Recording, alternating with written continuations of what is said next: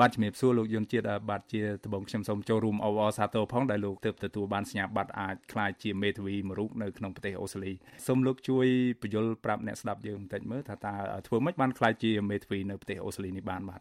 បាទជំរាបសួរប្រិយមិត្តដែលស្ដាប់វិទ្យុអេស៊ីសេរីជាទីមេត្រីបាទខ្ញុំចង់មកចែករំលែកបទពិសោធន៍មួយចំនួន ក្នុងការសិក្សាដើម្បីក្លាយជាមេធាវីនៅក្នុងប្រទេសអូស្ត្រាលីនេះបាទ កត្តាទី1ដែលយើងខ្លាយជា Medavi ទី1យើងត្រូវតែរៀន JD jury doctor ហ្នឹងផ្នែកច្បាប់ហើយមួយទៀតគេរៀន Bachelor of Law បរិញ្ញាច្បាប់ហ្នឹងគឺរយៈពេល4ឆ្នាំបាទក្នុងសញ្ញាបត្រមួយហ្នឹងដែលអ្នកបញ្ចប់ហ្នឹងយើងត្រូវតែចូលរៀននៅវគ្គបន្តបណ្ដាល ផ្នែកវិជ្ជាវគ្គជាមេធាវី ដែលខ្ញុំបានទើបតែបញ្ចប់ការសិក្សាហើយទទួលសញ្ញាបត្រពីម្សិលមិញនេះការសិក្សាហ្នឹងគឺមានការប្រឡងប្រជែងស្វិតស្វាញណាស់ហើយយើងត្រូវឡើងខតឡើងបកស្រាយច្បាប់យើងការពារកូនក្តីយើងហើយនឹងរៀនវិជ្ជាជីវៈជាមេធាវីហ្នឹងបាទហើយពេលដែលយើងបានបញ្ចប់ការសិក្សានឹងហើយ យើងមានកាតព្វកិច្ចមួយទៀតគឺយើង apply ទៅ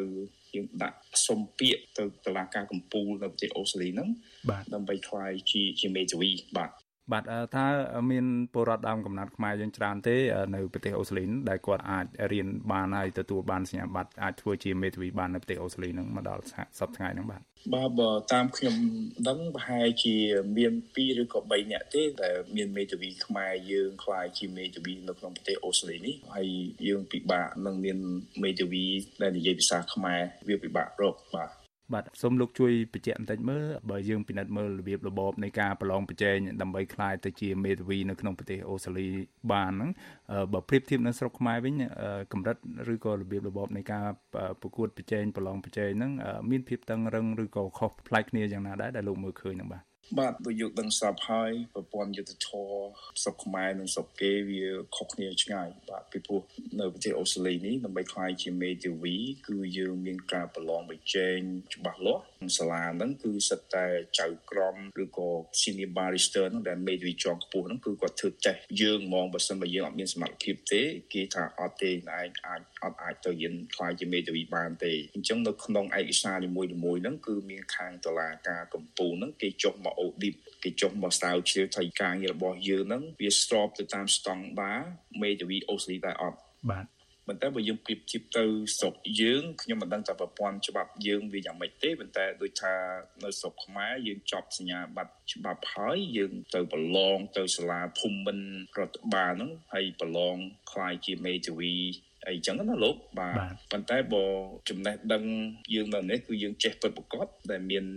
អ្នកឯករាជ្យមកធ្វើតេស្តយើងបាទគឺថាបើយើងសំបីទៅ ជនជាតិអូស្ត្រាលីមួយចំនួនហ្នឹងក៏ដូចថាគាត់លះបង់ដូចថាគាត់រៀនអត់បានដល់ទិសដៅពីព្រោះវាពិបាកសូម្បីតែគាត់ជាជនជាតិអូស្ត្រាលីគាត់នៅឈ្ងោពិបាកហើយចុះតម្រាំយើងមកពីប្រទេសខ្មែរយើងហើយមិនមែនជាភាសាទី1ទៀតបាទអញ្ចឹងវាវាមានភាពការលំបាកស្មុគស្មាញមែនទែនដើម្បីខ្លាយជាមេធាវីនៅប្រទេសអូស្ត្រាលីនេះបាទ បាទត្រង់កន្លែងនេះតើលោកមានជាដំបូងមានអីចង់ប្រាប់ទៅយុវជនខ្មែរដែលទទួលបានអាហារូបករណ៍មករៀននៅក្រៅប្រទេសឧទាហរណ៍ថាបានមករៀននៅប្រទេសអូស្ត្រាលីជាងទៅហើយគាត់ចង់បន្តយកសញ្ញាបត្រផ្នែក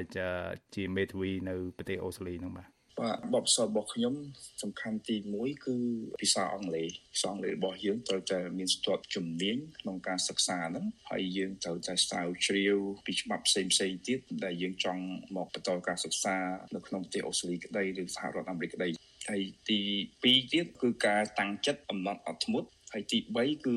យើងឆ្លាញ់វិស័យផ្នែកច្បាប់ហ្នឹងបើតែកត្តាទាំង3ហ្នឹងហើយដែលយុវជនយើងនឹងអាចសុំអាហារូបករណ៍មករៀននៅក្នុងប្រទេសអូស្ត្រាលីឬក៏ប្រទេសអាមេរិកចឹងណាលោកចឹងទាំង3ហ្នឹងហើយគឺជាកត្តាមួយដែលធ្វើឲ្យយើងជោគជ័យបាន បាទមួយវិញទៀតលោកយន្តជាតិលោកបានមានប្រសាសន៍ពីខាងដើមថាលោកធ្លាប់ចូលធ្វើការនៅតាមស្ថាប័នតុលាការឬស្ថាប័នច្បាប់ណាមួយហ្នឹងដើម្បីយកបទពិសោធន៍នឹងមុននឹងមកក្លាយជាមេធាវីហ្នឹងសូមលោកជួយរៀបរាប់បន្តិចមើលរបៀបរបបនៃការធ្វើការគេនៅក្នុងស្ថាប័នតុលាការនៅប្រទេសអូស្ត្រាលីហ្នឹងបើប្រៀបធៀបទៅនឹងប្រព័ន្ធតុលាការនៅខ្មែរហ្នឹងតើវាខុសគ្នាកម្រិតណាព្រោះកន្លងមកហ្នឹងតាមការវិតម្លៃនានារបស់អង្គការអន្តរជាតិហ្នឹងឃើញថាស្រុកខ្មែរយើងជាប្រទេសជាប់លេខលំដាប់នៅបាតតារាងតែម្ដងខាងល្បីខាងរំលោភច្បាប់ជាងគេតើលោកមើលឃើញបញ្ហានេះមិនដែរបាទបាទយើងដឹងស្រាប់ហើយប្រទេសយើងអ្នកណាក៏ដឹងដែរសូម្បីតែខ្ញុំធ្វើក្នុងការក្នុងវិស័យតុលាការនៅប្រទេសអូស្ត្រាលីហ្នឹងក៏គេដឹងថាប្រទេសយើងពោពេញទៅដោយអយុត្តិធម៌អំពើពុករលួយអញ្ចឹងប្រព័ន្ធតុលាការហ្នឹងគឺវាអត់យុត្តិធម៌សម្រាប់ប្រជាពលរដ្ឋ វាយុទ្ធធម៌សម្រាប់តែក្រុមមានអំណាចហើយសម្រាប់នៅនេះគឺថាគឺមានយុទ្ធធម៌ខ្លាំងណាស់គេមិនអាចកាត់ក្តីពីឆ្វេងទៅស្ដាំពីសទៅខ្មៅទេបាទការកាត់ក្តីនីមួយៗហ្នឹងគឺគឺត្រូវតែមានផុសតាងត្រឹមត្រូវត្រូវមានចៅក្រមពិនិត្យវិច័យត្រូវមានមេធាវីការពារក្តីហ្នឹងដែលជួយយ៉ាងម៉េចគឺថាយុទ្ធធម៌សម្រាប់ភាគីទាំងសងខាងអញ្ចឹងណាអរគុណលោកយុនជាតិ មួយវិញទៀតខ្ញុំចង់ដឹងអំពីកម្រិតនៃការយល់ដឹងផ្នែកច្បាប់ក្នុងចំណោមសហគមន៍ខ្មែរនៅអូស្ត្រាលីវិញបាទលោកបានធ្វើការពាក់ព័ន្ធជាមួយពួកគេទេហើយសង្កេតឃើញថាមានអ្វីខ្លះទៅជាបញ្ហាប្រឈមសំខាន់សំខាន់ដែរពលរដ្ឋដើមកំណត់ខ្មែរហ្នឹងគាត់មានការយល់ដឹងផ្នែកច្បាប់នឹងបានកម្រិតណាហើយគាត់ជួបប្រទះបញ្ហាខ្លះទៅបាទ បាទដែលខ្ញុំមើលការ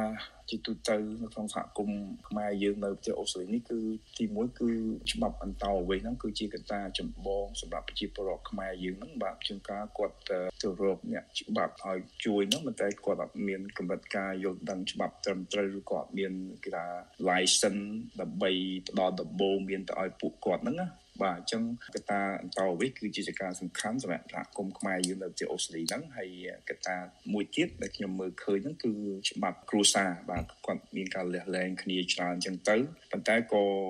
នៅទីនេះគេមានសហគមន៍មួយសម្រាប់ជួយដល់ជនក្រីក្រអញ្ចឹងណាលោកប៉ុន្តែដូចខ្ញុំនិយាយអញ្ចឹងកត្តាខាងអន្តរវិសហ្នឹងគឺគាត់ មានបញ្ហាជាច្រើនដែលគាត់រកអ្នកជួយហ្នឹងដែលគាត់មាន